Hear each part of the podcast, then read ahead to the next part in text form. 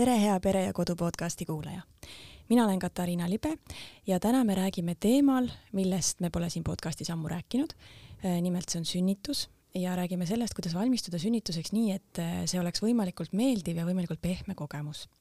ja selleks on mulle külla tulnud hüpnosünnituse maaletooja, Pehme sünnikooli looja Kiia Paal. tere! tere! Äh, nii, kõigepealt küsikski, et kuidas siis valmistuda teadlikult sünnituseks, mis on selle juures kõige olulisem? Sünnitus on tegelikult nii mitmetahuline, et äh, lühidalt öeldes ma soovitaksin valmistuda teadlikult ehk koguda teadmisi sünnitusest, selle protsessist, äh, mis naise kehaga toimub, käia perekoolides, äh, tutvuda kõikide võimalustega, mida meie sünnitusmajad pakuvad, aga kindlasti sinna juurde mõelda oma füüsilisele ettevalmistusele kuidas keha oleks, keha oleks toonuses ja tasakaalus, et jaksata sünnitada, et olla lõdvestunud, et osata tunnetada oma keha, pöörata tähelepanu oma toitumisele, sest ka see mängib suurt rolli, et keha oleks sünnitusel võimeline selliste loomulike protsessidega hakkama saama, nii nagu ta siis looduse poolt on määratud. ja ka emotsionaalne hingeline pool, see psühholoogiline osa, et, et ei oleks hirmu sünnituse ees, vaid oleks usaldus räägime nüüd natuke hüpnosünnitusest ka lähemalt, kuidas sina selleni jõudsid? minul on kolm last ja esimene neist on tänaseks kuueteistaastane ja tema sünnituse ajal ma ei teadnud hüpnosünnitusest mitte midagi. Äh, küll aga olin ma siis äh, siiski teadlik esmarase enda meelest, käisin võimalikult palju perekoolides, viisin mehe sinna, kus sai õppida tugiisikule mõeldud äh, võtteid ja karuhäält õppisime koos tegema ja kõike seda tehes ma arvan, et ma lähenesingi sünnitusele üsna tehniliselt ja õpitult, et nii tehakse, nii ma teen, aga mm, olgugi, et ta oli selline loomulik kogemus, pärast oli neid küsimärke ikkagi hästi palju hinges. äkki ma oleks ikka veel pidanud äh, kuidagi rohkem mõistma, mis mu kehas toimub, sest äh, ma ilmselt äh, tegingi asju sellepärast, et ma olin nii õppinud või kuulnud, aga ma ei kuulanud oma keha või seda tunnetust nii väga hästi, et sealt jäi siis selliseid kõhklusi, kahtlusi ja, ja ka negatiivseid tundeid. ja üsna mitu aastat hiljem siis tänaseks teine laps on mul seitsmene ja meie pere elas siis tema ootusel Eestist väljas. nii et ma pidin uues riigis õppima võõras keeles sünnitada, kuidas terminitega ennast väljendada. käisin seal võimalikes perekoolides ja alles viimasel raseduskuul leidsin sealt sünnitusmaja seina pealt kuulutuse hypnobirthing kursused mõtlesin, et mis veider asi see veel on. ja uudishimu oli suur, leidsin, et ma ei jõua enam kursustele ja tegin siis nii palju, kui ma omal käel suutsin, lugesin raamatu läbi, vaatasin Youtube'ist videosid, mille järgi mulle tundus, et see on lavastatud, et naine ei saa olla nii loomulik ja rahulik sünnitades. aga sellest iseõppimisest ja mehe kaasamisest äh, saadud teadmistesse vot see sünnitus oli minu jaoks ähm, elumuutev kogemus tegelikult ähm, ümbersünd justkui naise ja emana, sest ma siis tundsin, et ma mõistan, mis mu keha, mis mu kehas toimub ja kuidas ma ennast ise aidata saan. samuti mees oli palju teadlikum ja enesekindlam ja rahustas mind ja suunas ja meenutas. nii et äh, sealt tegelikult sai see tee alguse, kuus aastat tagasi sündis Pehme sünnikool, et siis eesti keeles emadele sedasama teadmist ja, ja tehnikaid edasi anda. ja kolmas äh, tita on mul ka siis äh, tänaseks juba neljane muidugi. ja ma ütleks, et isegi kolmandaks sünnituseks ma valmistusin äh, kõige rohkem iseendaga tööd tehes ähm,, olles siis ka juba koolitaja, oli see soorituse vajaduse tunne endas kuidagi nii suur, et räägid siin teistele sünnitusest, et siis enda sees oli neid tundeid kuidagi metsikult palju rohkem, millega tuli tegeleda, et sünnitus ei pea olema sooritus ega tõestus millelegi, vaid lihtsalt minna sellele vastu usalduse ja rahuga ja nende teadmistega, mis mul siis on. kuidas kolmas sünnitus läks siis? see oli imeline kogemus, ma ütleksin. et ähm, sünnituse lähenedes kogu selle raseduse aja ma olin puutunud kokku väga armsate äh, ämmaemandate ja tuuladega Eestis äh, ja selles maailmas rohkem sees, nii et tegelikult kolmas sünnitus oli meil siis lõpuks planeeritud äh, kodusünnitus, mis ähm, kujunes sellesama raseduse ajal, see teadmine, et äh, et see võiks olla minu jaoks kõige turvalisem ja, ja mõnusam valik ja nii õnneks kõik laabuski. mis on hüpnosünnitus? sellest võiks rääkida palju ja sellest võib rääkida lühidalt. Ma ütleksin praegu nii, et kui naine ei tunne sünnituse eel ja ajal hirmu, ei lähe pingesse, siis ta loomuomaselt lähekski sellisesse seisundisse, mida me täna kirjeldame sellise hüpnootilise või hüpnoosiseisundiga, ehk ta on väga keskendunud, sulgeb silmad, tunnetab, mis tema kehas toimub, hingab sügavalt ja rahulikult, ei lase ennast välisest segada, stressorid on kõik äh, eemaldatud, äh, ümber valitseb selline rahulik, toetav atmosfäär ja naise enda sees valitseb rahu ja enesekindlus. ma ütleksin, see on siis hüpnosünnitus äh, ehk loomulik sünnitus. ja hüpnosünnituse tehnikad ja teadmised aitavad siis meil seda loomulikku seisundit luua iseenda sees või kaaslase abil, juhul kui meil on neid hirme, et nendega siis enne tegeleda ja viise, kuidas aidata oma kehal sellesse lõõgastusseisundisse jõuda, kui, kui siis neid segavaid faktoreid peaks olema, ehk et me õpime sedasama loomulikku seisundit, millesse me läheksime siis, kui meil võib-olla ei oleks seda mõtlevat, mõtlevat pead otsas ja neid äh, ühiskonnast äh, negatiivset fooni loovaid äh, taustsüsteeme. kuidas siis hüpnosünnituse meetoditega valmistutakse sünnituseks ja, ja kui palju peab selleks tööd tegema, et sünnitus oleks siis meeldiv kogemus? Koolitus ise sisaldab endas siis väga suurel määral äh, sünnitusharidust, ütleme seda eelteadmist, mis tähendab füsioloogiat, anatoomiat, sünnitusprotsessi, ehk läbi nende teadmiste praktilisel tasandil võiks tekkida taasusaldus ja see teadmine, et loodus on naise keha loonud sünnituseks. Ja beebi teab ka, kuidas sündida. Ta teab, milliseid pöördeid teha ja naine siis oma kehatunnetusega saab, saab kaasa aidata. Ja teiselt poolt on hästi oluline see praktiline oskus lõdvestuda ja hingata, et mismoodi ma oma keha saaksin sünnitusele aidata. tihti võib-olla tavaperekoolist äh, naine või pere läheb äh, teadmisega edasi, et äh, sünnituse päeval ma tean, et tuleb hingata, tuleb lõdvestuda ja kui see päev on käes, siis see tunne on nii tugev ja nii uus ja nii ootamatu, et tegelikult kõik see, see stress ja pinge, mis meie ümber on ähm,, ei, ei võimalda seda lõdvestust ilma harjutamata kuidagi lihtsalt luua. seega me harjutame hingamistehnikaid, harjutame seda koduselt, kuidas naine saab ennast äh, selliste lõdvestustehnikate ja meelerahuharjutustega ja meditatiivsete kujutlusharjutustega lõõgastusseisundisse viia ja tema kaaslane samuti. et tegelikult seda eeltööd võib olla väga-väga palju ja sõltub ka iga naise enda sellisest varasemast teadmiste pagasist ja, ja hirmudest, mis tal võivad olla. kui on näiteks olnud raske sünnituskogemus varasemalt, siis tuleb ka sellega tegeleda, et me ei võtaks uue beebi sünnile seda kaasa. nii et äh, ta on, ütleme siis rohkem selline sünnituse psühholoogia, millest äh, oleks võib-olla rohkem naistel vaja teada ja ka meestel seal kõrval, et kuidas naist lugeda, kuidas mõista, mida ta vajab sellel hetkel, kui tal on võib-olla raskem tekkis paralleel äh, esmaabikoolitusega, et kas see pole mitte nii, et ka esmaabikoolitusel peab käima aeg-ajalt ikka uuesti, sest et sellest tegelikult üksi ei piisa, et sa tead, mida peaks tegema, sest kui see olukord on käes, sul ei pruugi, sa ei pruugi neid teadmisi kätte saada. et, et see peab olema nagu kehamälus kogu aeg. just, see kehamälu on hästi oluline ja ma tihti toon paralleele spordiga, näiteks nii nagu sportlased valmistuvad oma võistlusteks. tehnikad on samad keskendumine, hingamine, äh, enesesisendused, motivatsioon, mis sul on siis ka ütleme, treeneri või siis kaaslase poolt sünnitusel, äh, siis ähm, visualiseerimine, kujutlus, hästi palju sellest, mida sa lood oma kujutluses, äh, tegelikult me ajule anname võimaluse selles olukorras ennast tuttavalt tunda ja ta ei lähe sellesse võitle-põgene ellujäämisinstinkti võib-olla võõras olukorras, sest me oleme seda varem juba ette oma kujutluses loonud ehk ähm, sünnitus on nagu maraton, sa pead valmistuma selleks pikalt, nii kehaliselt kui ka vaimselt.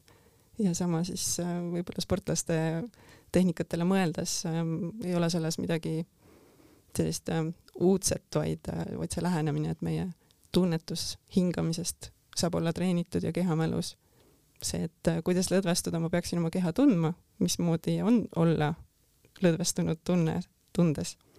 et äh, jah, see on tegelikult väga eluline ettevalmistus ja, ja see harjutamine, pühendumine on selle juures hästi-hästi oluline. kas hüpnosünnituse meetodites kasutatakse siis hüpnoosi? hüpnoosi sõna on võib-olla vähe tuntud või natukene valesti ka äh, selliste meediakajastuse läbi äh, arusaamist inimestes loonud. kui hästi lihtsalt öelda, siis hüpnoos on ju teadvuse muutunud seisund, kus me oleme hästi lõdvestunud ja keskendunud, me saame valikuliselt oma tähelepanu suunata sellele, mis meile parasjagu oluline on ja ajuvõnkesagedused aeglustuvad, ehk et kui sa oled ärkvel, räägid, käid, toimetad ringi, siis meie aju töötab kiiretel sagedustel. ja kui sa sügavalt magad, siis on hästi elutähtsad äh, toimingud ainult töös. ja kõik see, mis sinna vahepeale jääb, on tegelikult loomulik igapäevane osa, kus me siis liigume selle ärkveloleku ja une vahel läbi sellise kergelt hüpnootilise meditatiivse seisundi, ehk et enne uinumist näiteks, kui sa jääd magama keha füüsiliselt lõdvestub, lihas, lihased pehmenevad ja mõtted rahunevad. Ja siis ühel hetkel sa suiku tunne. ehk see vahepealne tunne ongi see hüpnoosi seisundi tunne. Ja neid sõnu, mida siis kasutatakse, võib-olla tunduvad mugavamad, on meditatsioon, juhendatud lõdvestus, juhendatud kujutlus. Ja, ja tundides me teeme siis seda kõigepealt läbi ähm, koolitajapoolse juhenduse, aga lõppeesmärk on see, et inimene suudaks kasutada enesehüpnoosi ehk et ta suudaks ennast ise viia sellisesse rahulikku ja lõdvestunud seisundisse. ja hüpnoos võib-olla meditatsioonist erineb äh, selle poolest, et äh, mediteerides ma võin võtta endale paarkümmend minutit sellist rahulikku pausi, lõdvestudagi ja saada pea mõtetest äh, tühjaks. aga selle, sellest võib ka piisata sellises ümberhäälestuse mõttes. aga hüpnoos äh,, selle lõdvestusseisundi ajal me saame kasutada enesesisendusi ja luua seeläbi tegelikult muutusi kas siis oma häälestuses sünnitusele, et kui ma sisendan endale, et äh, sünnitus on turvaline, mu keha oskab lõdvestuda, siis selles lõdvestusseisundist need sõnumid meie sees äh, talletuvad sügavamalt ja on võimalik siis muutuda oma käitumismustreid, oma uskumusi, häälestust ja just läbi selle enesehäälestuse mm. -hmm. nii nagu talletuvad negatiivsed sõnumid, mida oleme võib-olla lapsest peale kuulnud, et sa ei saa hakkama või niimoodi tuleb teha. et samamoodi siis ma saan aru, et saab hakata ennast nagu ümber programmeerima. just, et see enesehüpnoos ja enesesisendus äh, võib ju luua inimeses äh, elulisi muutusi tegelikult.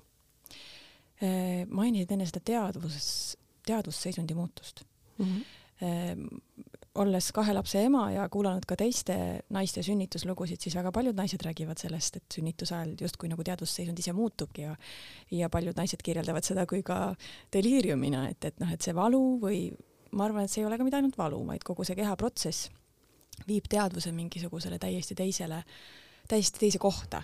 et kas seda saab siis nagu juhtida, et mis kohta minu teadvus läheb no iseenesest saab küll, kui nüüd äh, sünnituse loomulikust äh, nii-öelda ülesehitusest rääkida, siis loodus ongi naisele sellise kingituse andnud, et äh, meil kaob ajataju tunnetus.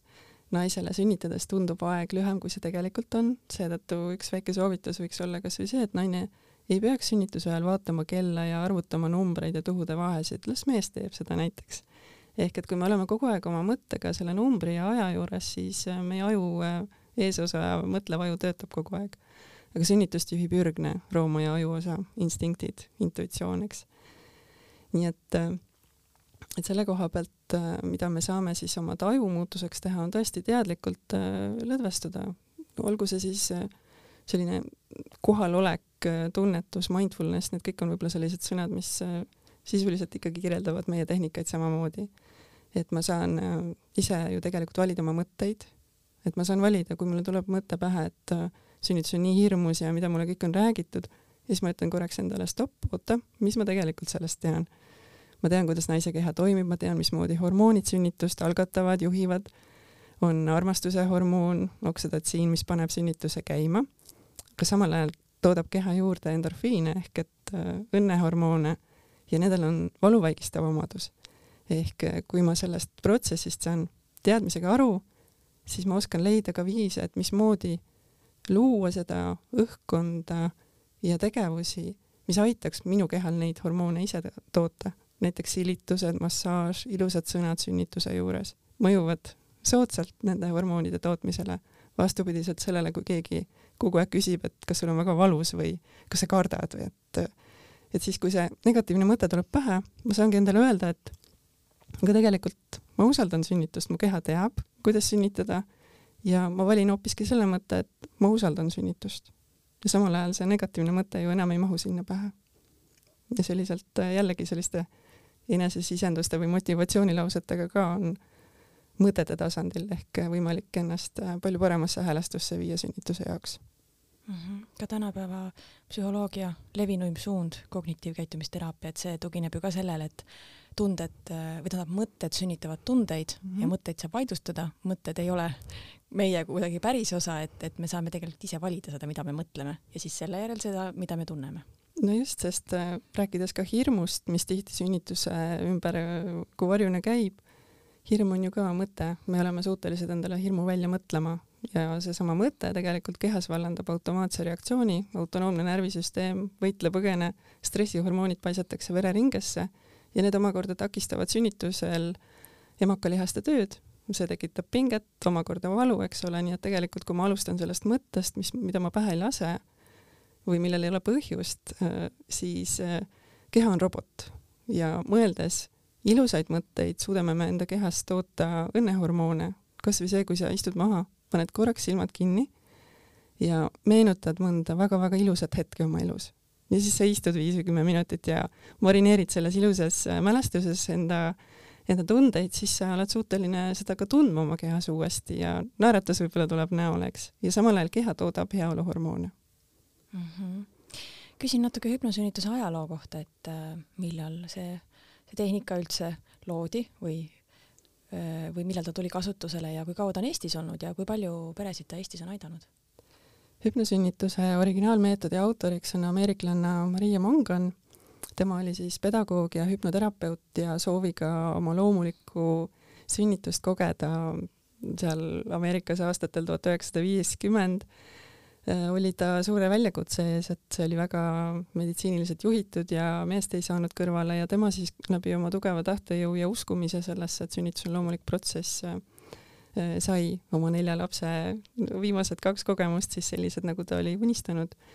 ja sealt andis edasi oma kogemust tütrele, sealt edasi tütre sõbrannadele, nii et äh, lõppkokkuvõttes ta kirjutas siis Äh, aastal tuhat üheksasada kaheksakümmend üheksa raamatu, koondades sellesse siis kõik need programmi olulised osad, mis puudutavad loomuliku sünnituse teooriat ja põhitõdesid ja lisades sinna siis hüpnoteraapiast pärit lõdvestustehnikate, hingamistehnikate ja enesehüpnoosi ja ja kõik sellised visualiseerimise erinevad äh, tehnikad.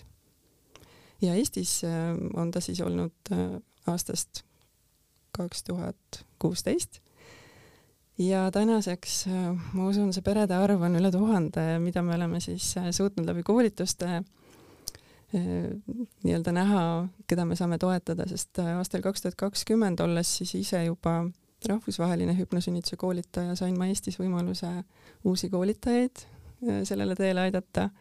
nii et tänaseks on Pehmesünni koolis kokku kuus koolitajat, kolm Tartus, kolm Tallinnas ja mul on eriti hea meel öelda, et nii Tallinnas kui Tartus on üks nendest koolitajatest ka ämmaemand, kes siis ka sünnitusmajas aktiivselt sünnitusosakonnas praktiseerib, nii et meil see teadmine mm, ei piirdu ainult äh, teooriaga, mida me siis selle programmi näol edasi anname, vaid äh, ka päriselt äh, naiste kogemustest ja sünnitusmaja poolsest tagasisidest saame lähtuda.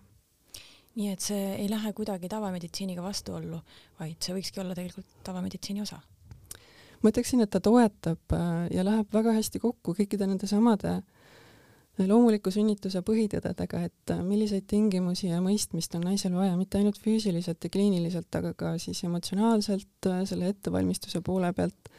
ehk väga loodan, et sellest oleks sündimas aina rohkem selline koostöö, et ämmaemandal on ju ka tegelikult lihtsam sünnitust toetada, kui naine on seejuures teadlik, äh, ei ole hirmunud, äh, saab aru, mis tema kehas toimub ja kuidas ennast aidata, siis on ka ämmaemadel palju vähem seal äh, sekkumist vaja pakkuda mm. -hmm, sest sünnitus on väga teistsugune protsess kõigest muust, mis haiglas toimub, kus siis inimene võib-olla pannakse magama ja temaga tehakse midagi mm, -hmm. aga sünnitusel peab olema sünnitaja ise väga aktiivne, väga teadlik sellest just, see naiste teadlikkus, ma usun, et see on aastatega aina rohkem tõusmas ja, ja kui ma mõned aastad tagasi ämmaemandatega suheldes äh, seda teekonda alustasin, mulle jäigi mulje, et äh, nende sõnul jõuab äh, väiksem osa naisi siiski ettevalmistusele kui, kui need, kes siis ei jõua, et et kui sa oled teadlik ja ei lähe lihtsalt, no lähevad naised, et kõiki sünnitavad ja küll ma selle kuidagi ära teen ja küll ma kuidagi kannatan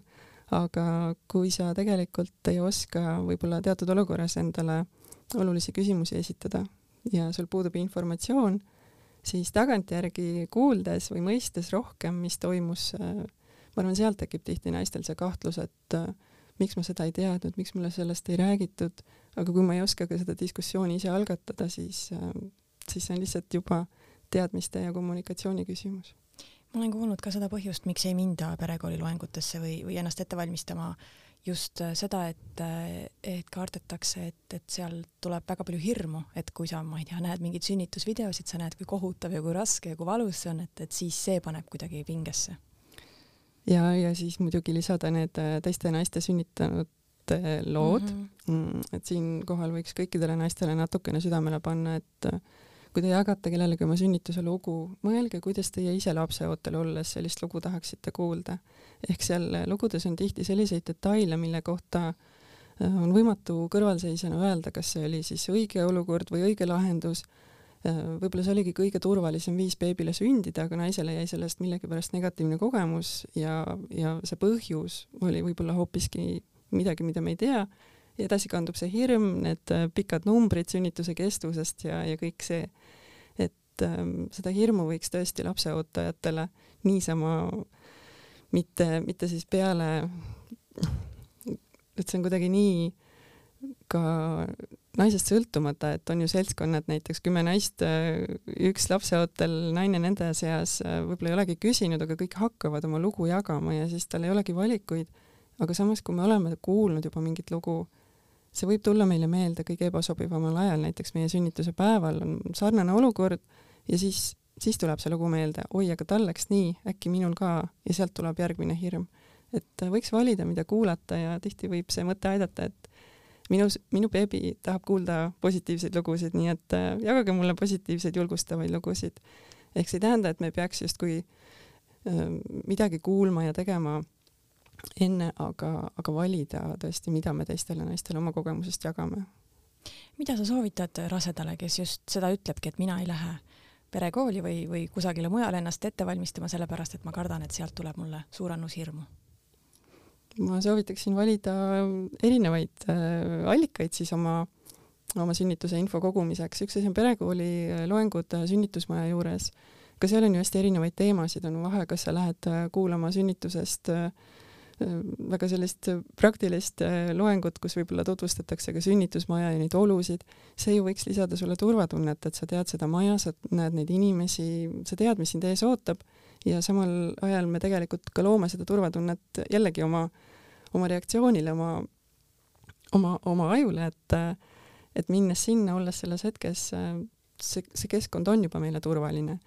Äh, ja siis kindlasti leida erinevaid äh, viise ettevalmistuseks, mitte ainult piirduda selle teooria loengute kuulamisega, aga tõepoolest äh, tegeleda oma füüsilise kehaga, valida mõni rasedate jooga või võimlemine, ujumine või kasvõi koduselt kuulata veebiloenguid, tunde, neid on meil täna ju päris palju saadaval.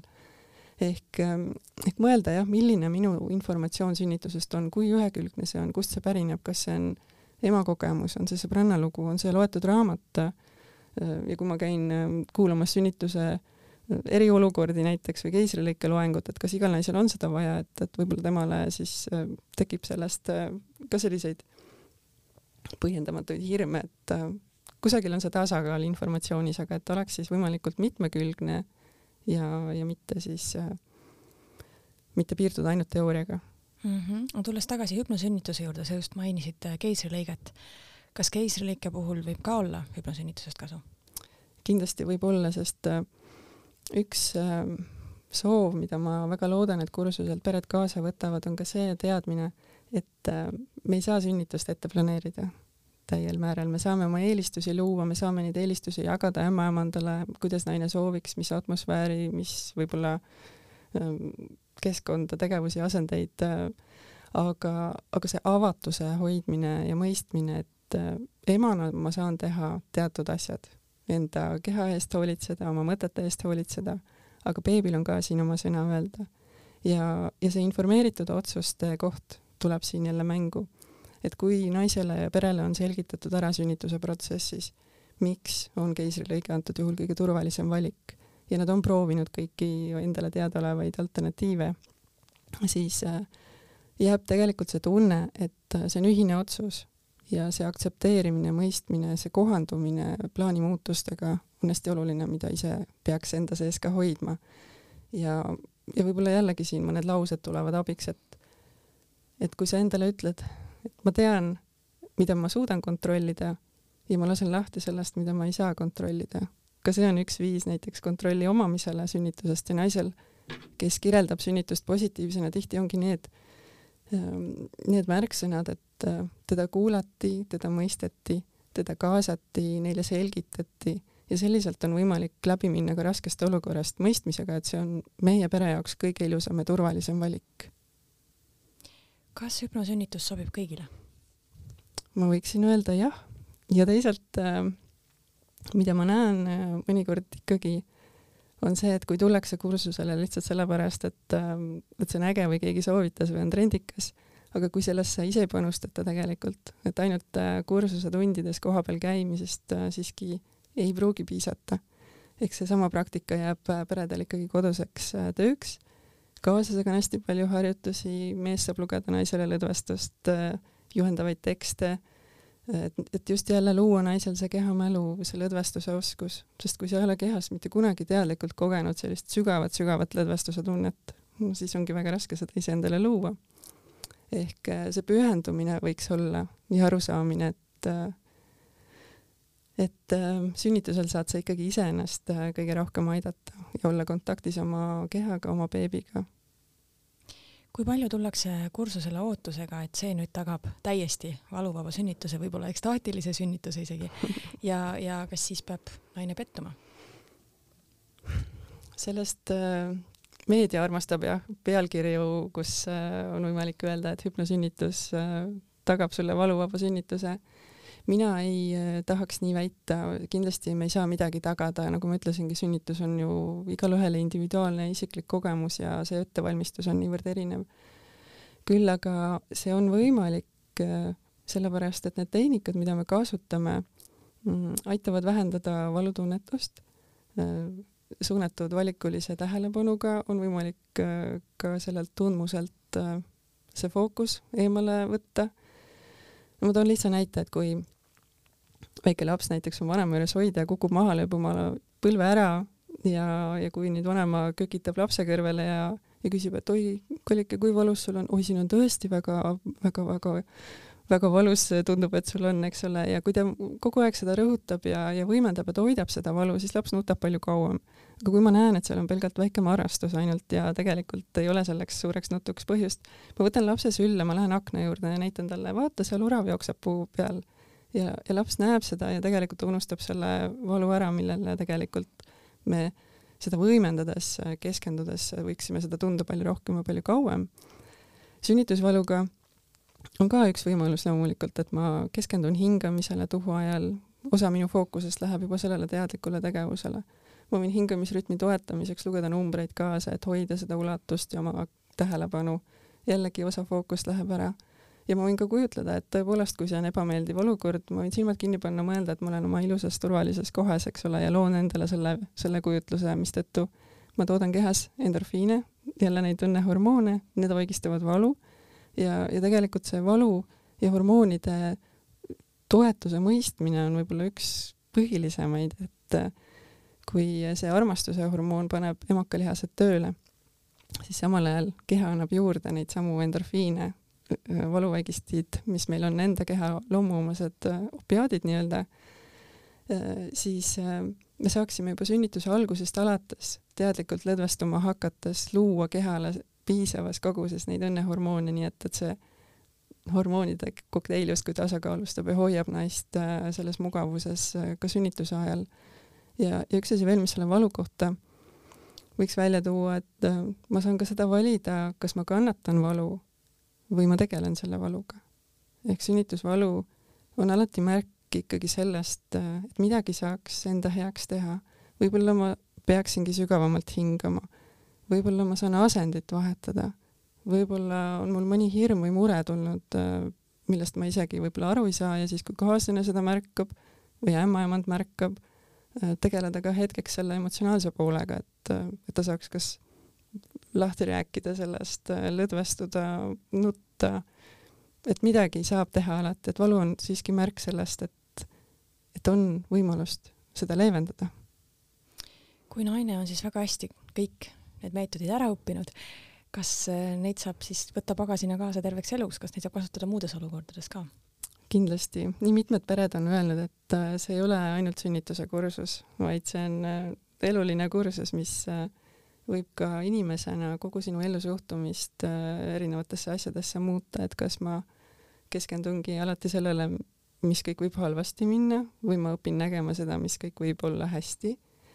Äh, samuti praktilise poole pealt näiteks äh, sünnitusjärgsel ajal imetamise juures ka, kui ema lõdvestub, enne kui ta beebi kätte võtab ja imetama asub, siis ka see väike beebi tunneb ära, kas ema on rahulik või on ta ärev ja see võib toetada imetamise, lähedussuhte sujumist.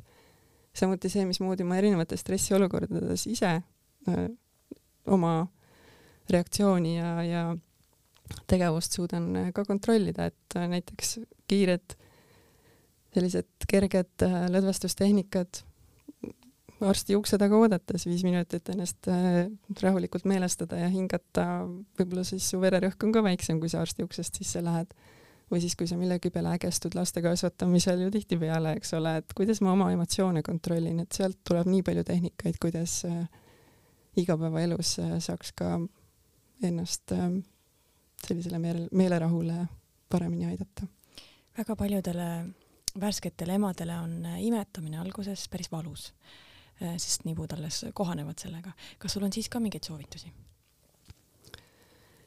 No imetamise osas tuleks kindlasti alustada nendest imetamise põhitõdedest, et äh, hea, hea soovitus minu arvates on see, et naine võiks leida endale kasvõi juba enne sünnitust mõne toreda imetamisnõustaja, kelle poole alati pöörduda Äh, vaadata üle, milline on beebi imetamisvõte või imemisvõte, et sealt ju tihti algavad äh, järgmised äh, mured, aga lõdvestuse koha pealt samamoodi jällegi, et et see rahu hoidmine, kui ma beebiga tegelen enne imetamist, tegelen sellega, et mina olen rahulik ja teda rinnale aidates olen rahulik ja märkan, märkan neid pisikesi märke, et see imetamise teema on ka ju äh, niivõrd loomulik, aga siiski naistele palju väljakutseid pakkuv, ema õpib, laps õpib.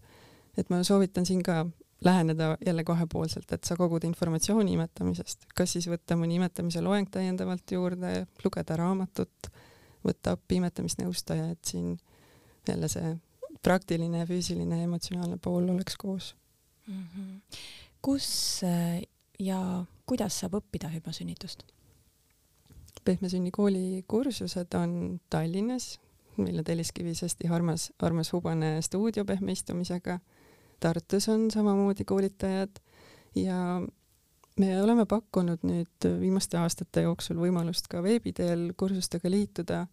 täna on põhiline rõhk siiski sellele, et saaks näost näkku kohtuda ja me hea võimalusena seda ikkagi eh, esmaselt kasutaks, aga kui on peresid, kes eh, kas siis elavad võib-olla kaaslasega eh, eri riikides või, või ei ole mõnes tunnis võimalik osaleda, siis on tegelikult ka see võimalus olemas, et liituda sellesse tundi lihtsalt veebi teel. kui mahukas see kursus on? kursus kestab eh, viis nädalat, kohtumised iga nädal, selline mõnus kolm tundi ja kui see viis nädalat on läbi, siis see võiks olla selline parajalt pikk aeg just et äh, olles tundide vahepeal ka koduselt harjutunud, on äh, perel kursuselt ära minnes äh, lõdvestusoskus juba selline loomulik igapäevaosa. Mida sa soovitad neile rasedatele, kellel ei ole võimalust tulla kursustele? kas on veel mingeid mõtteid, kuidas oma hirme leevendada, kuidas lõdvestada, lõdvestuda? eks interneti avarustest, ma arvan, tänapäeval on juba niivõrd palju võimalusi, kindlasti on veebiloenguid ka meie enda Eesti sünnitusmajade juures ämmaemandate poolt pakutavalt joogatunde võtta veebitundidena, kui ei ole kodust võimalik välja minna. Ja kui näiteks sünnitusvideosid, sa mainisid siin enne, et need võivad tekitada hirmu, jah, ma olen nõus, on väga, väga hirmsaid asju võimalik internetist leida. meie vaatame ka oma kursusel sünnitusvideosid, aga need on väga hoolikalt valitud, mis võiksid inspireerida, julgustada ja näidata seda sünnituse loomulikku ja rahulikku poolt sest äh, enamik sünnitusi tegelikult on sellised mõnusad, ilusad peresündmused. Ja, ja kui äh, otsida ise Youtube'ist sünnitusvideosid, siis selle asemel, et kirjutada sinna näiteks inglise keeles loomulik sünnitus või natural birth, proovige seda, et kirjutage hypnobirth või hypnobirthing ja vaadake, mis te siis leiate, et ma usun, et see äh, võimalus, et te näete ilusaid ja, ja selliseid inspireerivaid lugusid ja kogemusi on palju suurem aga kas teistpidi ei teki oht, et kui, kui jäädagi uskuma seda, et, et sünnitus ongi ainult imeline ainult täiesti valuvaba, et siis võib tulla selline šokk, kui see päris nii ei lähe?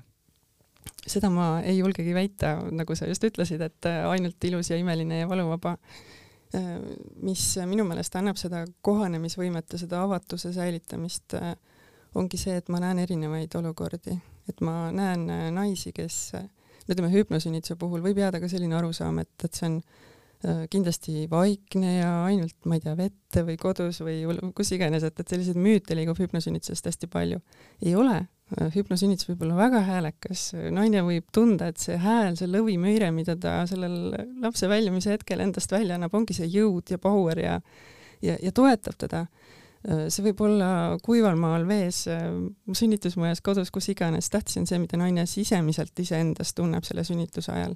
ehk see tehniline või väline pilt, kuidas sünnitus välja paistab, äh, see pole absoluutselt oluline. ma saan ennast nende tehnikatega igasuguse sünnituse korral aidata ja, ja kui ma olen ainult näinud sünnitusest filme, mida Hollywood toodab, siis me näeme seal ju draamat. me ei näe seal seda rahulikku loomulikku sünnitust ja selliselt äh, tekibki see kuvand, kinnistub, et, et nii ainult saabki. aga mida rohkem erinevaid sünnitusi ma olen näinud, seda avatum olen ma ka ise, et, et minu sünnitus nende hulgas saab olla ka jällegi täiesti eriline ja erinev minu oma. selle hääle tekitamise kohta tahtsin küsida, et kas see pole mitte nii, et, et see ongi lausa nagu vajalik? Lasta endast hääl välja, et, et nagu teisipidi saaksid teised kanalid ka avaneda. et kas see mitte ei takista vahel naisi, et nad kardavad häält teha? no sõltub nüüd naisest, mis ta endale pähe on võtnud selleks mõtteks. Äh, minu sõnum on see, et alati kuula oma keha. lihtsalt äh, kõik, kõige muu teooria peale, mida, mille ma võin seal kursusel edasi anda, põhisõnum on ikkagi see, et kuula oma keha ja, ja tee seda, mida sa tunned, et sinu jaoks on õige teha ja seal võib olla ka selliseid pisikesi detaile, miks me tegeleme hästi palju selle isiklike hirmude ja ka mehe hirmude väljaselgitamisega, et igal mehel on ka võimalik mõelda, võib-olla tal on hirm haiglate ees, süstalde ees või et ta paneb pildi tasku või, või kui näeb süstlaid, eks ole. et ka see oleks eelnevalt jagatud kaaslaste vahel, sest ka sellele saab ju kiireid ja kergeid lahendusi, naine saab mehele öelda, et ära ole ämmaemanda selja taga sünnituse ajal, tule minu juurde ja vaata mulle silma, eks ole, et mees ei peaks nägema asju, mida ta võib-olla ei oota.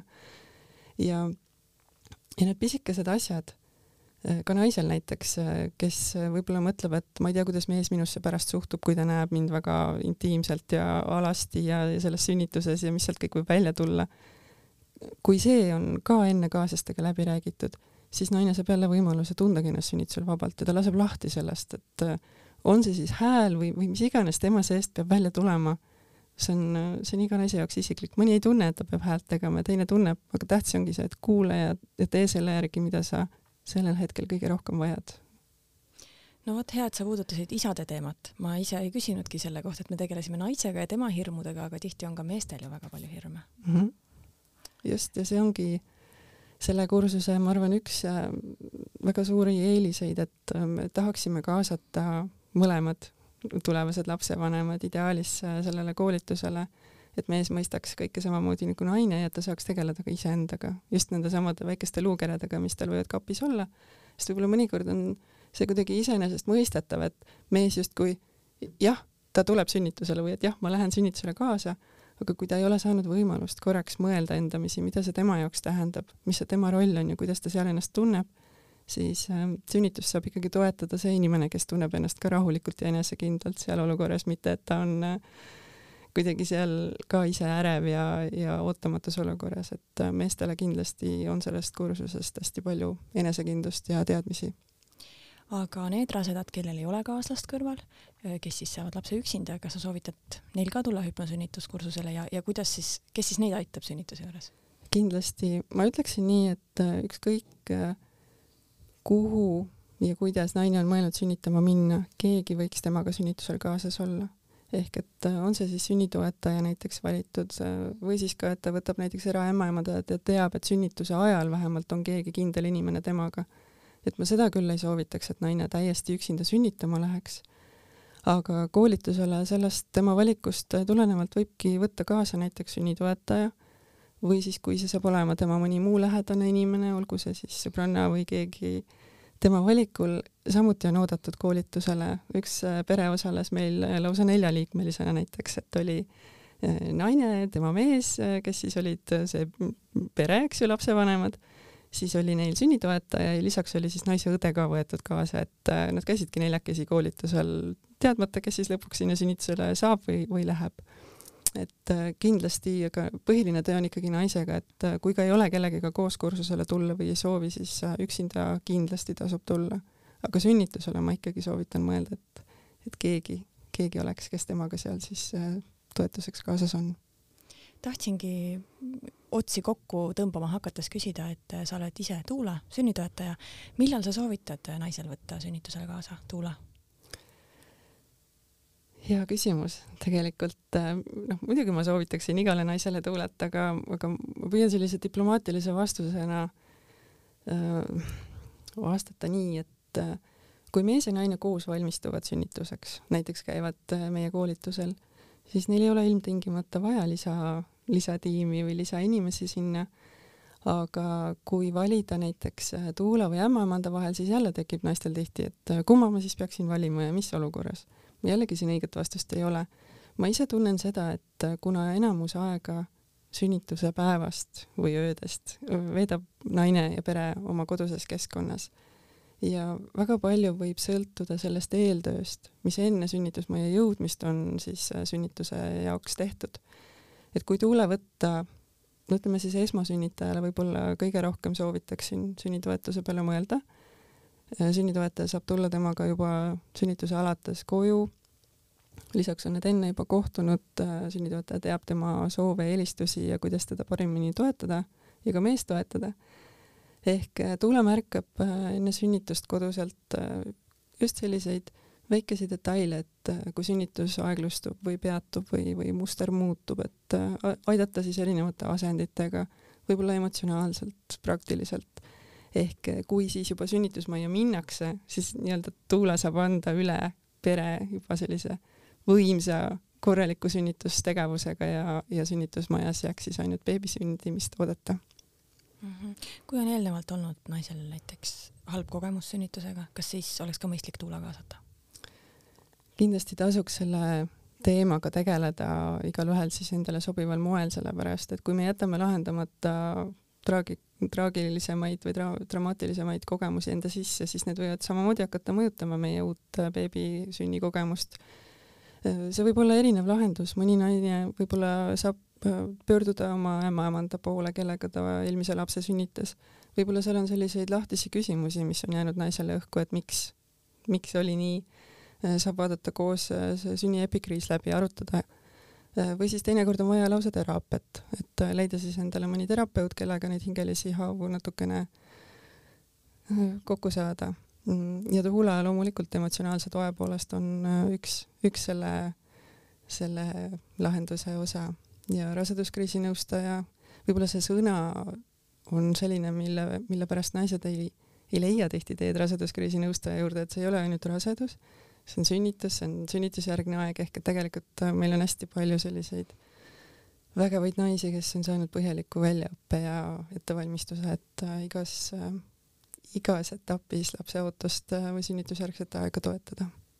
kas praegusel ajal üldse tuuled saavad haiglasse kaasa tulla?